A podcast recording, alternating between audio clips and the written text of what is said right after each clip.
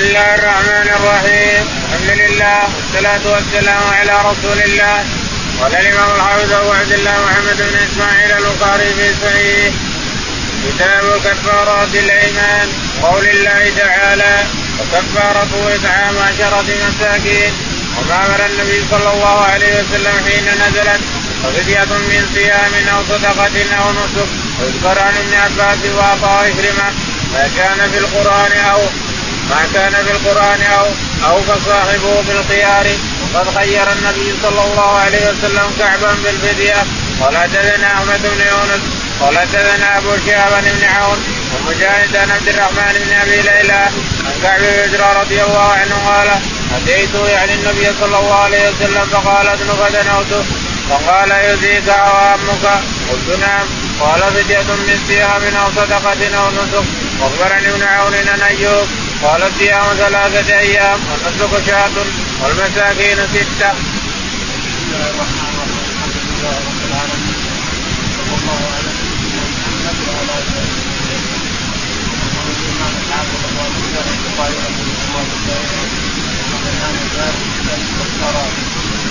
باب كفارة الأيمان باب كفارة الأيمان والأيمان حلف الإنسان يقول حدثنا وقول الله تعالى فكفارته إطعام وقول الله تعالى فكفارته إطعام ثلاثة ستة مساكين إطعام عشرة مساكين إطعام عشرة مساكين الذي إذا حلفت الإنسان فكفارته إطعام عشرة مساكين سواء كان من خبز تمر أو تعلمه بزيت تسأل من لحم أو تكسر الخبز والدام أشهر عشرة لا عن خمسة وخمسة أو أحد بيت تأتيهم ويأكلونهم عشرة أو أكثر من عشرة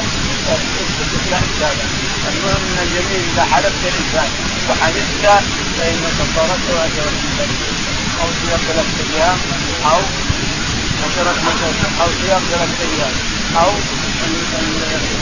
تذبح أو تحسب رقبه أو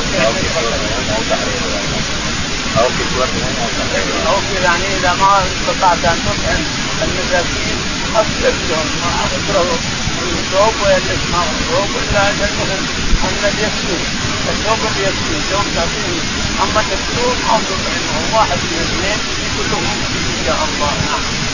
وما أمر النبي صلى الله عليه وسلم حين نزلت وفدية من صيام أو صدقة أو أمر النبي عليه الصلاة والسلام حينما نزلت هذه الايه من صيام أو إطعام أو نسك. أما صيام أو إطعام أو أن تذبح الانسان مخير إذا كان حالة حالة فانت مخير بين هذا وهذا وهذا. ويذكر عن ابن عباس وعطاء كريمه ما كان في القرآن أو فصاحبه يقول ابن عباس رضي الله عنه وعكرمه و يقول ما كان في القرآن أو أو فصاحبه يقول ما كان في القرآن أو يعني ما كان فيه تخيير لفظ أو. يعني اما أو ثلاث أيام أو إطعام ثلاث مساكين أو ذبح شاة. هذا معناه أنك بالخيار الإنسان. تأخذ ما تريد تأخذ ما تريد. الاهون عليك خذه الاهون عليك ما دام فيه أو فالله تعالى يتقدس من كرمه وجوده وفضله ورحمته ورأفته بعباده جعل جعلها في طريق أو ان فعلت كذا أو فعلت كذا أو فعلت كذا أو فعلت كذا فكله فكله مفيد قال حدثنا أحمد بن يونس. يقول البخاري حدثنا أحمد بن يونس قال حدثنا أبو شهاب. أبو شهاب قال حدثنا ابن عون. ابن عون قال عن مجاهد عن عبد الرحمن بن أبي ليلى. عن مجاهد عن عبد الرحمن بن أبي ليلى أن كاتب بن عجرة كان عوام رأس الجمر تناثر من رأسه لأنه أبطأ عن الوسط وأبطأ عن التنفيذ ومحرم يمشي من المدينة ثلاث أيام عشره أيام وهو محرم والجمر صار من راسه فقال الرسول عليه الصلاة والسلام لما مر به ويطبخ طعام قال رجل قال لعلك يجزيك اوام رسول. قال نعم يا رسول الله. قال احلق رأسك؟ وهذا الستة مساكين أو استحداث أو ثلاثة أيام أنت مخير بين هذه الأشياء. أما ستة مساكين أو زكاة أو أو أيام مخير بين هذه الثلاثة. معنى هذا أن جميع ما كان ما له تعلق بالأيمان وغيره فإن لك أن تكون ثلاث أيام اليتيم في جميع المناسك جميع المناسك الخمسه علمت اظفارك شعرك عملت حاجة من الحاجات فإن لك فإنك مخير بين واحد من ثلاثة.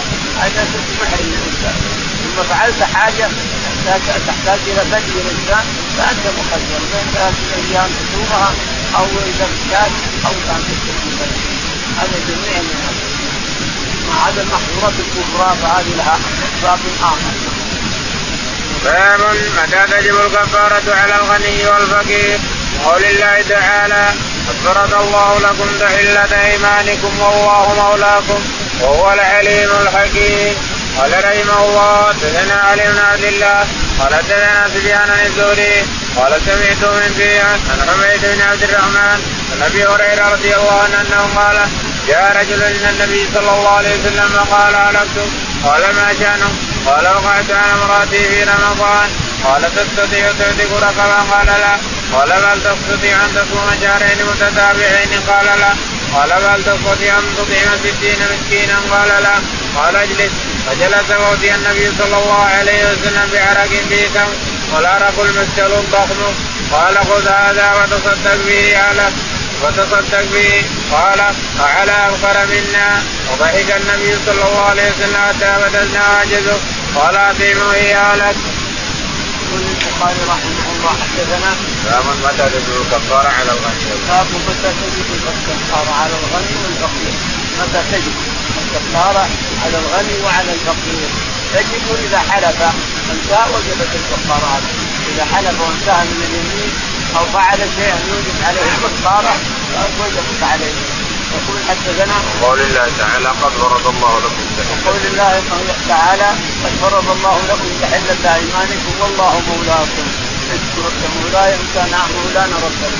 الله مولانا نعم. اشكرك مولاي أن كنت مولانا لأنه يغفر ويعفو ويصفح ويتكرم ويجود سبحانه وبحمده عباد الفقراء مساكين ضعاف نعم.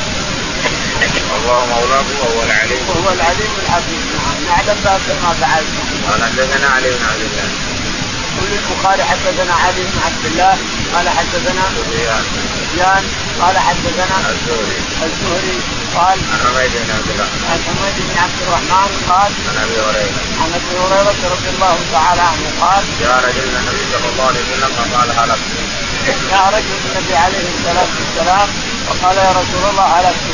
قال ما هلكت قال وقعت على امرأة في رمضان. الشيطان كيف يغلب الإنسان؟ الشيطان نعوذ بالله يغلب الإنسان. حتى لو كان ما عنده أكل يأكل. ما عنده أكل ما عنده أي أكل يأكل. ولكن الشيطان ويقول ابن آدم إذا كان ضعيف إرادة غلبه الشيطان. يقول نعم. قال وقعت على امرأتي في رمضان. قال ما اهلكت قال وقعت على امرأتي في رمضان. قال هل تجد هل تجد رقبة يدك؟ قال لا. رقبة تجد يدك؟ قال لا. قال هل تجد ان تصوم شهرين تستطيع؟ أن تصوم شهرين متتابعين؟ قال لا. قال هل تستطيع؟ أن تطعم ستين مسكين؟ قال لا. فإذا لا حول لم لا كذا ولا كذا ولا كذا يحوز زكاه يركب على النحل الإنسان حتى لو ما عنده طعام ولا شراب يركب عليه إذا كان تابعا له ثم يفعل ما يشاء. يقول فقال الرسول عليه الصلاة والسلام اجلس. قال له اجلس. هذا لا تنسى هذا ولا هذا ولا هذا. فجلس الرجل. ثم جاء الرسول جاء عليه الصلاة والسلام جاءه جبريل. كبير يسمى عرض أو عرض أو عرض. فقال خذ هذا أطعمه عن عن نفسك. قال يا رسول أنا أكثر مني والله ما بين لابتي الحره ما بين لابتي الحره أكثر مني قال خذه اطعمه خذه اطعمه له هل معناه أن الكفاره سقطت أو أن اطعام أهله أيضا يكفي عن الصدقه تصدق به عن أهله. فأهله من الناس الذي عليهم الصدقة. هذا هو الصحيح. باب من اعسر من أعان المعسر بالكفارة. قال رحمه الله حدثنا محمد بن محبوب. قال حدثنا عبد الواحد قال حدثنا معمر الزهري. عن عبيد بن عبد الرحمن بن أبي هريرة رضي الله عنه. قال جاء رجل إلى رسول الله صلى الله عليه وسلم. قال لست قال وماذا؟ قال قعدت بأهلي في رمضان. قال تجد رقبة؟ قال لا. قال هل تستطيع أن تصوم شهرين متتابعين؟ قال لا. قال فتستطيع أن تطعم ستين مسكينا قال لا. قال فجاء رجل من الأبصار بعرق والعرق المقتل فيه تمر. وقال اذهب بهذا وتصدق به. قال على احوج منا يا رسول الله؟ والذي بعثك بالحق. ما بين لابتي أهل بيت احوج منا. وقال اذهب فاطم وأهلك. يقول البخاري رحمه الله حدثنا باب من اعان المعسر بالكفاره.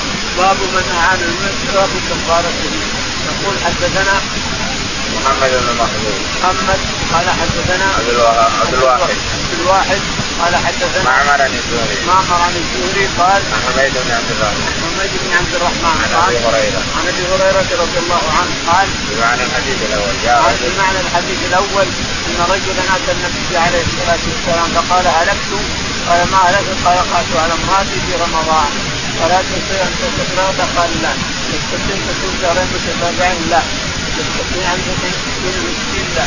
قال فجلس فجاء الرسول عليه الصلاة والسلام يجيب تبنيك أكثر من 15 ليلة. أكثر من 15 صاع تمر خذ هذا التصدق عن ما بعد.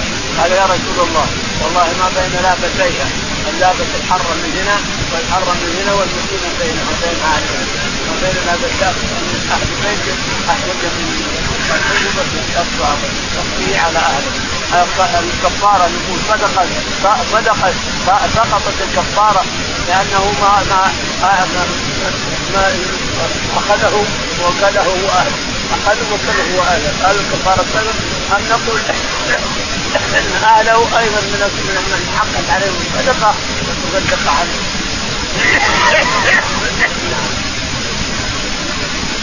باب يعطي بالكفارة عشرة مساكين. قريبا كان أو بعيدا. قال رحمه الله حدثنا عبد الله مسلمة. قال حدثنا سفيان الدوري عن بيت عن أبي هريرة رضي الله عنه قال جاء رجل إلى النبي صلى الله عليه وسلم فقال هلكت قال وما شان قال وقعت على امرأتي في رمضان. قال هل تجد ما تعتق رواه لا لا. قال لا. قال هل تستطيع أن تصوم شهرين متتابعين؟ قال لا. قال هل تستطيع ان تطعم ستين مسكينا قال لا اجد اوتي النبي صلى الله عليه وسلم بعرق فيه تمر وقال خذ هذا وتصدق به وقال على افقر منا ما بين لابتيها افقر منا فقال خذ فاطم واهلك. يقول البخاري رحمه الله حدثنا باب يحسب الكفاره عشرة مساكين. باب يحسب الكفاره عشرة مساكين. قريبا كان أو بعيدا. قريبا من أقاربك أولاد عمك فقراء حتى لو كانوا قريبا أولاد عمك أو عمانك أو شيء أولادهم فقراء آثم حتى لو كان مخرج لك الإنسان. يجزي عشرة مساكين في الكفارة. كفارة اليمين عشرة مساكين والكفارة للإسلام من الإنسان. يقول لكن كفارة الوقوع في رمضان 60 كفارة 60 ما هو ما هو عشرة. لكن لو كررها هذه 60 المسكين كررها على عشرة كرر عشرة عشرة عشرة كررها على عشرة كفى حتى يبلغ 60 كفى لو عشرة. أو عائلة كبيرة أكثر من هذا من 10 أو 20 فأعطاهم وكررها عليهم كفى إلى 60 قال حدثنا عبد الله بن مسلمة. حدثنا عبد الله بن مسلمة قال حدثنا سفيان. سفيان قال عن الزهري عن حميد عن الزهري عن حميد عن أبي هريرة. عن أبي هريرة رضي الله عنه بمعنى الكلام الأول وهو أن رجلا أتى وقال يا رسول الله وقعت على امراتي في رمضان فحصل ما حصل باب إعطاء المدينة ومد النبي صلى الله عليه وسلم وبركته وما دوى رجال المدينة من ذلك قرنا بعد قرن. قال رحمه الله حدثنا عثمان بن أبي شيبة قال حدثنا القاسم بن مالك المزني قال حدثنا جعيد بن عبد الرحمن الاسلام بن يزيد رضي الله عنه قال كان الصاع على عهد النبي صلى الله عليه وسلم وثلثا من مدكم اليوم فزيد به في زمن عمر بن عبد العزيز. يقول البخاري رحمه الله باب صاع المدينة ومد باب صاع المدينة ومد المدينة يعني توضيح صاع المدينة ومدها الصاع أربعة أمداد. صاع صاع الرسول عليه الصلاة والسلام أربعة أمداد. وكان الرسول عليه الصلاه والسلام له طاسه كبيره يكفي فيها الحبوب ويغتسل فيها اربعه امداد لها أربعة أمداد يغتسل فيها الماء ويغتسل فيها من الجنابة ويقضي فيها الفطرة والشكوات والأشياء وورثها بعض الطاسة الرجال يقول بعض العلماء أن زينة صاع الرسول عليه الصلاة والسلام 80 فرنك تستحق هنا تستحق 80 فرنك هنا خلاص بعضهم على بعض. لكن هذا لا يشك هذا يشك صاع إنما صاع النبي عليه الصلاة والسلام هو طاسه كبيره من حديد يغتسل يملاها ويغتسل منها أربعة امداد أو أنه يصير فيها عليه الصلاة والسلام. صاع الرسول عليه الصلاة والسلام يقال أن عمر بن عزيز رضي الله عنه زاد في صاع الرسول جائز جائز المهم الزياده ولا النقصان؟ نعم قال حدثنا عثمان بن أبي شيبة. حدثنا عثمان بن أبي شيبة. قال حدثنا القاسم بن مالك. القاسم بن محمد قال سعيد بن اسماعيل قال حدثنا السائب بن يزيد. السائب بن يزيد. قال كان صاع النبي صلى الله عليه وسلم مزود بالزكاه قال كان صاع النبي عليه الصلاة والسلام مسلم يعني أربعة أمداد. صاع الرسول أربعة أمداد عليه الصلاة والسلام في حياته وحياة الصحابة رضي الله عنهم وغيرهم حتى وصل إلى مالك بن أنس الإمام مالك رحمه الله أتاه إنسان وقال تقول العمل على أهل المدينة. يوطى يقول العمل على ما ما يعمله أهل المدينة. قال أنا كلامي هذا موصول إلى الرسول عليه الصلاة والسلام. تعال يا فلان جبت الصاع اللي عندك. جاب الصاع اللي عندي هذا تجيب فيها الزكاه تجيب فيها الفطرة قال نعم تجيب فيها الزكاه والفطره ورثته النبي قال نعم ورثته بنفسه أبوك يصير فيها الزكاه والفطرة قال نعم جدك قال على وقت الرسول الصحابي. يصير فيها الفطرة قال نعم جدي على وقت الرسول هذه قال هذا سند اذا ما هو سند هذا عام المدينة ما يعمل بشيء الا المسلمين الاجداد يقولون به إلى الرسول فهو متصل احسن من الاحاديث اللي متصله قالوا كذا رجال في رجل رجل في رجل رجل رجل فسكت عالم من علماء العراق حتى الامام مالك رحمه الله قال وفي فيه من عمر. بن عبد العزيز في عمر بن عبد العزيز في الصحة نفس الصحة والصاعين الآن إحنا عندنا كيله يجيب فيها زكواتنا واخطا وفطرتنا كيلنا خشب خشب نص كيله كذا طويلة نص كيله رأسها ضيق نص كيلها خشب يجيب فيها. صغيرة من الحدود قال رحمه الله حدثنا مسلم بن الوليد الجارودي قال حدثنا ابو قتيبة وسل قال حدثنا مالك النافي قال كان ابن عمر رضي الله عنهما يؤتي زكاة رمضان ومد النبي صلى الله عليه وسلم المد الأول وفي كفارة اليمين بمد النبي صلى الله عليه وسلم قال ابو قتيبة قال لنا مالك مدنا اعظم من مدكم ولا نرى الفضل الا في مد النبي صلى الله عليه وسلم قال لي مالك لو جاءكم أمير فضرب مدا اصغر من مد النبي صلى الله عليه وسلم بأي شيء كنتم تعطون قلت كنا نعطي بمد النبي صلى الله عليه وسلم. قال أفلا ترى أن الأمر إنما يعود إلى مد النبي صلى الله عليه وسلم.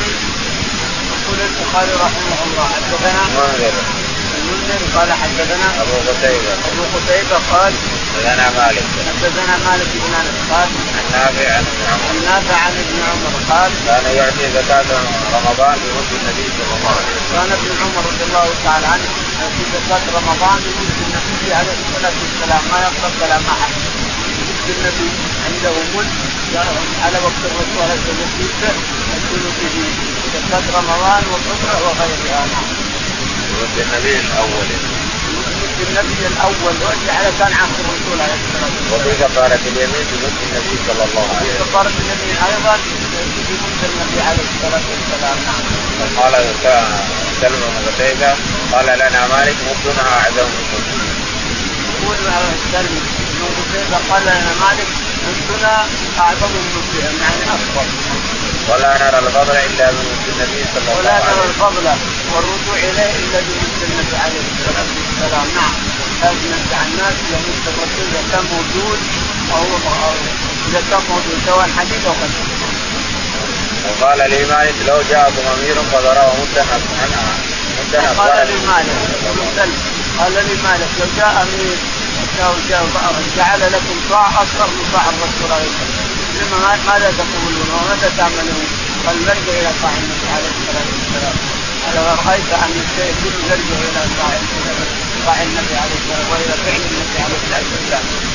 محمد المسلمون كل شيء يرجع إلى الرسول كل شيء يرجع إلى الرسول قال رحمه الله دثنا عبد الله بن يوسف قال أخبرنا مالك عن إسحاق بن عبد الله بن أبي طلحة ان أنس بن مالك رضي الله عنه ان رسول الله صلى الله عليه وسلم قال اللهم بارك لهم في مكيالهم وصاعهم ومدهم. يقول البخاري رحمه الله حدثنا عبد الله.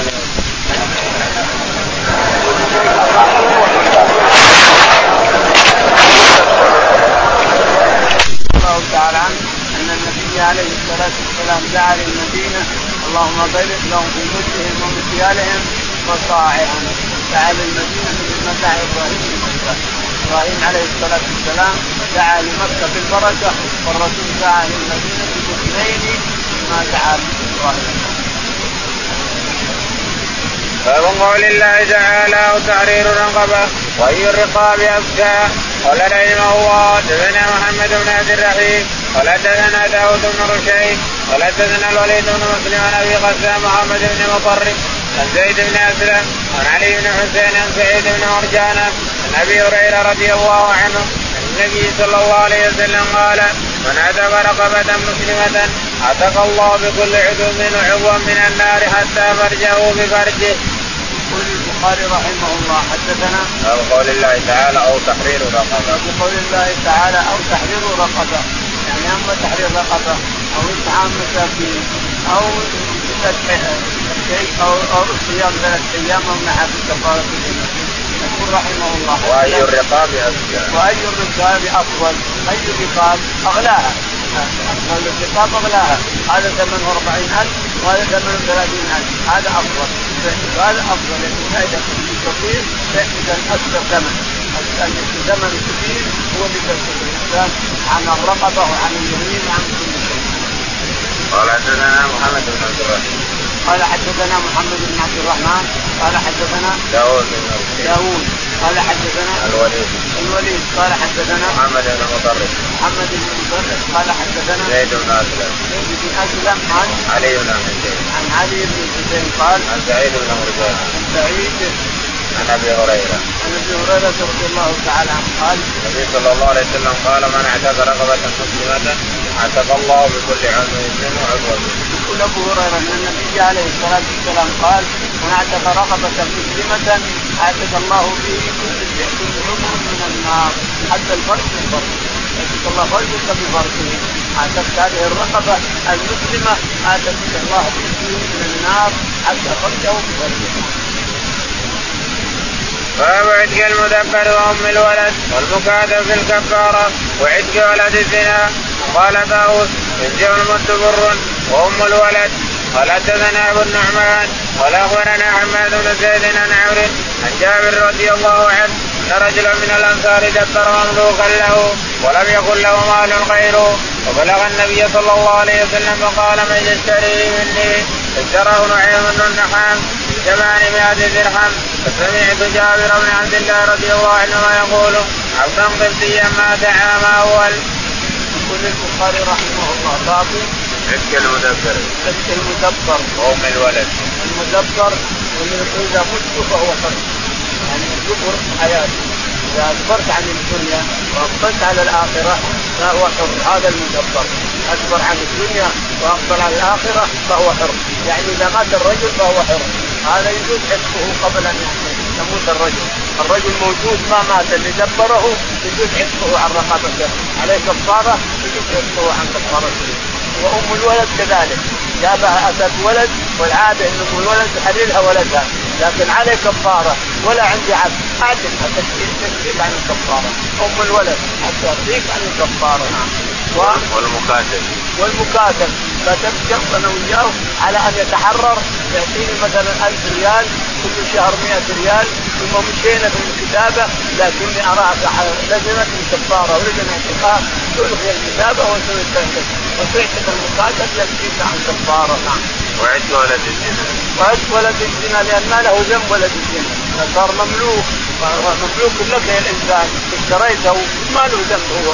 الذنب على والديه. فهو مسلم مسلم يحدثه عن كفاره وقال داود مدبر وأم الولد. قال طاووس يكفي المدبر وأم الولد. نعم اتفاق. بالاتفاق يكفي المدبر إذا اعتدت عن كفارتك وتكفي ام الولد إذا اعتدت بالاتفاق. ما في أحد عارض قال حدثنا أبو النعمان يقول البخاري حدثنا أبو النعمان عارف قال حدثنا حماد بن زيد. حماد بن زيد قال عن عمرو بن دينار. عن عمرو بن دينار عن جابر بن عبد الله. عن جابر بن عبد جابر بن عبد الله رضي الله تعالى عنه قال أن رجلا من الأنصار دبر مملوكا له ولم يكن له مال أن رجلا من الأنصار دبر مملوكا له. يعني جعله إذا مات فهو حر. قال إذا مات إذا مات هذا الشخص فعبدي هذا حر. فاتى به الرسول عليه الصلاة والسلام وقال ما لك إلا عبد واحد يقول حرر ورثتك كيف ورثتك إيش يكون ورثتك لا تمكن تترك الورثه تعالى من يشتري من يشتري اشتراه نعيم وبن اللحام أو بن لحام اشتراه ب 100 درهم. فقال خذ الدراهم هذه انفقها على نفسك واحتفظ بأيامنا حتى تحتاجها قال سمعت جابر يقول عبدا مكيا ما دعا يقول جابر كان عبدا مكيا ما دعا أول يعني العام. باب إذا تكون الكفاره لمن يكون وله قال رحمه الله حدثنا سليمان بن حرب. قال حدثنا شعبان الحكم إبراهيم الأسود. عن عائشة رضي الله عنها أنها ارادت ان تشتري بريرة. فاشترطوا عليها الولاء. فذكر ذلك للنبي صلى الله عليه وسلم فقال اشتريها إنما الولاء لمن أعتق. يقول البخاري رحمه الله باب الكفارة الولاء لمن أعتق الولاء يحدث عن كفارته هل له الولد؟ يقول نعم يحدث عن كفارة الإنسان سواء أم الولد اعتقتها أو مملوك الإنسان اعتقته أو مثلا مدبر اعتقته أو كذا فولاؤه له. ولاؤه الولاء هو أنه إذا مات وعنده مال أنك ترثه الإنسان. هذا الولاء الولاء أن عند هذا العبد هذا اعتقته أنا ثم مات وخلف أموال كثيرة أنا اللي أقدر اموال هذا الولاء الشاهد انها الكفارة إذا اعتقه بكفارة فولاؤه له. نعم. الكفاره ما تمحى ما تمسح ما تمحى الشريعة. نعم. قال حدثنا سليمان بن حرب. حدثنا سليمان بن حرب. قال حدثنا شعبة. شعبة. قال حدثنا الحكم الحكم بن شيبة. قال عن إبراهيم. عن إبراهيم عن عن الأسود عن عن الأسود عن عائشة رضي الله تعالى عنها أنها اشترت أرادت أن تشتري بريرة عليها عتق رقبة. عائشة رضي الله عنها حلفت يمين وحنفت باليمين فصار عليها عتق رقبة. وكيف تعتق الرقبة؟ جاءت بريرة وكانت مكاتبة بالأنصار كانت مملوكة واحد من الأنصار. فكتبته بألف درهم على أن تشتر بمئة درهم إلى آخره. فقالت بريرة فقالت عائشة أنا أعدها لهم عدا ولا لي فذهبت إلى الأنصار قالوا له الولد نعم تكفي تريد تعتدي تعد من الدراهم وتعتد لك من الولا لنا. فاخبرت الرسول عليه الصلاة والسلام فغضب وقال الولا لمن اعتق ثم خطب الناس قال ما بال أن اناس يحبون شروطا ليس في كتاب الله. كل شرط ليس في كتاب الله فهو باطل وإن كان 100 شرط الولاء لمن اعتق قال رحمه الله باب الاستثناء في الايمان قال حدثنا قتيبة قال حدثنا حماد غيلان بن جرير عن أبي بردة بن أبي موسى عن أبي موسى الأشعري رضي الله عنه أنه قال أتيت رسول الله صلى الله عليه وسلم في رات من الأشعريين استعمله فقال والله لا احملكم ما عندي ما احملكم ثم لبثنا ما شاء الله فوتي بابل فأمر لنا بثلاثة زوج فلما انطلقنا قال بعضنا لبعض لا يبارك الله لنا. أتينا رسول الله صلى الله عليه وسلم نستحمله فحلف أن لا يحملنا فحملنا فقال أبو موسى فاتينا النبي صلى الله عليه وسلم فذكرنا ذلك له. فقال أنا ما حملتكم بل الله حملكم. إني والله إن شاء الله لا أحلف على يميني فارى غيرها خيرا منها إلا كفرت عن يميني وأتيت الذي هو خير. يقول البخاري رحمه الله باب الاستثناء في اليمين. والله إن شاء الله لا افعل كذا وكذا فإن عقد اليمين ما تحمل فيه حتى لو فعلت ما تحمل ليش؟ لأنك لك المشيئه إلى الله تعالى وتقدم وكل شيء تدخله المشيئه ما ينعقد ولا عليك اثم ما عليك اثم في يكون تحمل نفس القبيلة. الانسان قل أدخل إن شاء الله فإذا أدخلت إن شاء الله خلاص ما استثنيت ما دام استثنيت إن شاء الله فلا إثم عليك. افعل هذا اللي حريص عليه. افعل هذا الانسان تفعل هذا لا إثم عليك. الإنسان لانك استثنيت فقلت إن شاء الله. يقول البخاري رحمه الله حدثنا قتيبة. قتيبة. قال حدثنا حماد. حماد. قال حدثنا غيلان غيلان قال حدثنا أبو بردان أبو بكر عن ابن أبي موسى. عن أبي موسى رضي الله عنه قال إن سيدنا النبي عليه الصلاة والسلام عليه الصلاة والسلام يريده أن يحملنا فحلف أنه لا يحملنا. حلف كان مغضبا عند الساعة فحلف أنه لا يحملنا. يقول فذهبنا الاشعريين نحن. ذهبنا ما عندنا نشتري بعير من صفا ولا والرسول ما أعطانا. حلف لا يعطينا فذهبنا. يقول ما مضينا قليل قوي هو الذي اخلق الرواية. أحد يقول ستة البارح يقول ستة ذوي. اليوم يقول ثلاثة ما هي ما هي مشكله الراوي هو اللي اخلف هو الذي تشكك في لفظ الرسول عليه الصلاة والسلام. الشاهد إنه قال لهم خذوا هذه. يقول لما مشى أبو موسى قال إن حلف الرسول لا يأتينا فكيف نأخذ؟ ارجعوا فرجعوا إلى الرسول عليه الصلاة والسلام وانك يا رسول الله حلفت ان لا تحملنا؟ والآن أعطيتنا بعارين فكيف قال أنا لم أحملكم أنا حملكم الله وأنا والله لا أرى شيئا بيميني هذه اليمين أرى غيرها خيرا منها إلا آتيت الذي هو خير ومع هذا فهو مستثني مع هذا الرسول لا يحلف حتى والذي نفسي بيده أو يقول إن شاء الله والله إن شاء الله. فهي استثنى ما يحلف يفعل الشيء ولا يحلف إلى آخره. قال أنا ما حملتكم حملكم الله فخذوها. نعم.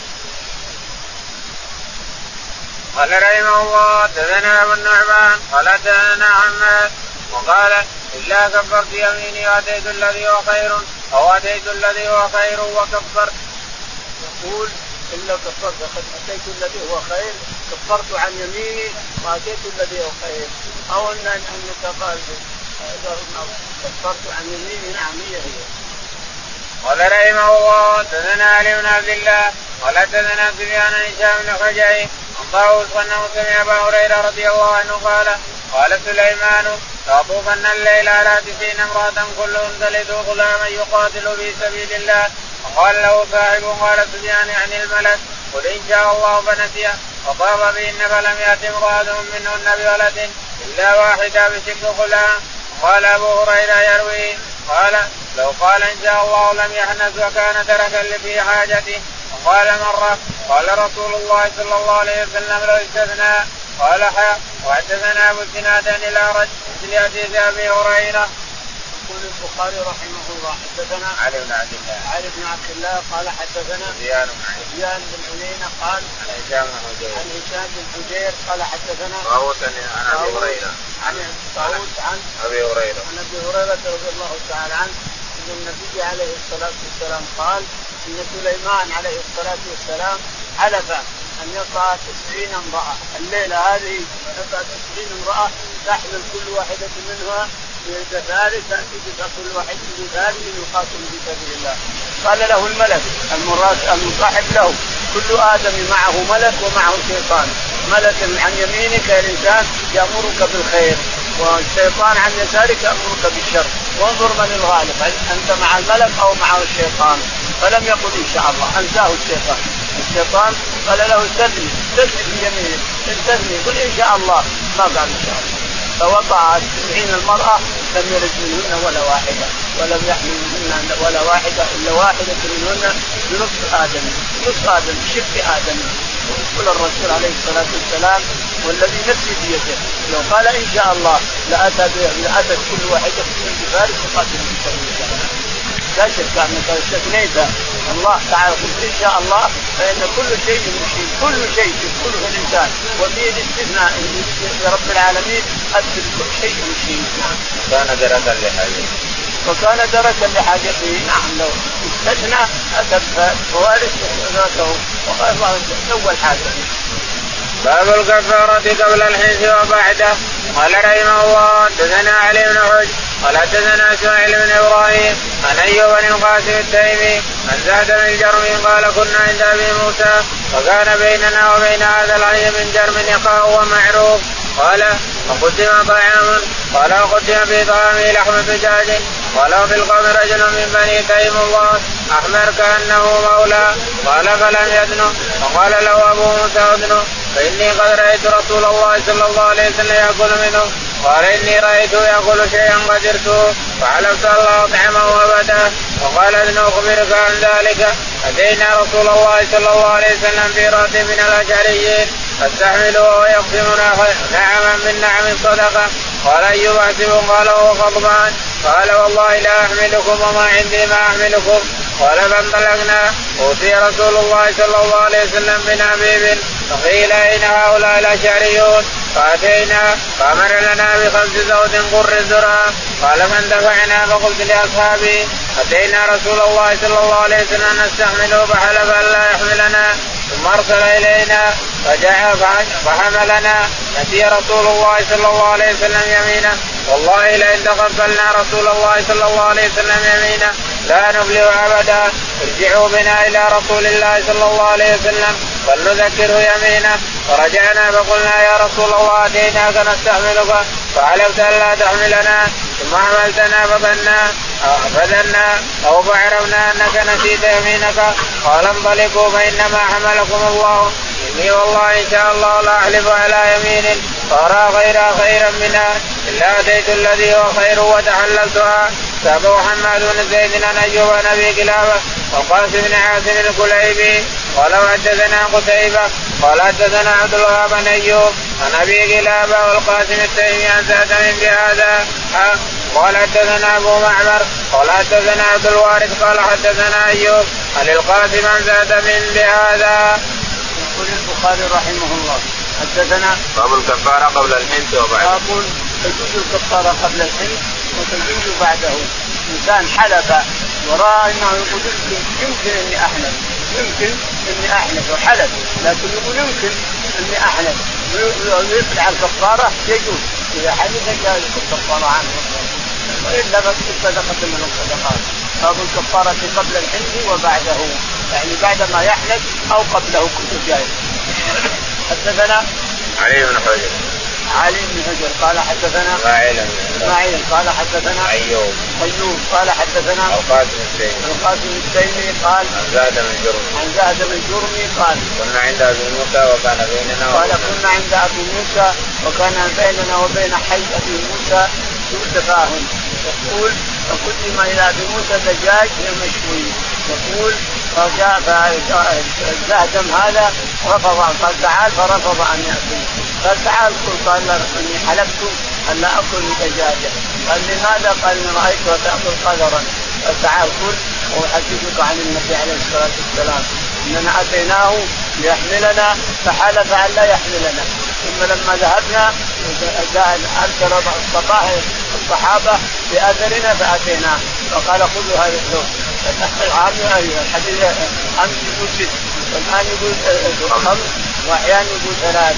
إلا الشك من الراوي اللي تحت الصحابي الشك من الرواة اللي تحت الصحابة.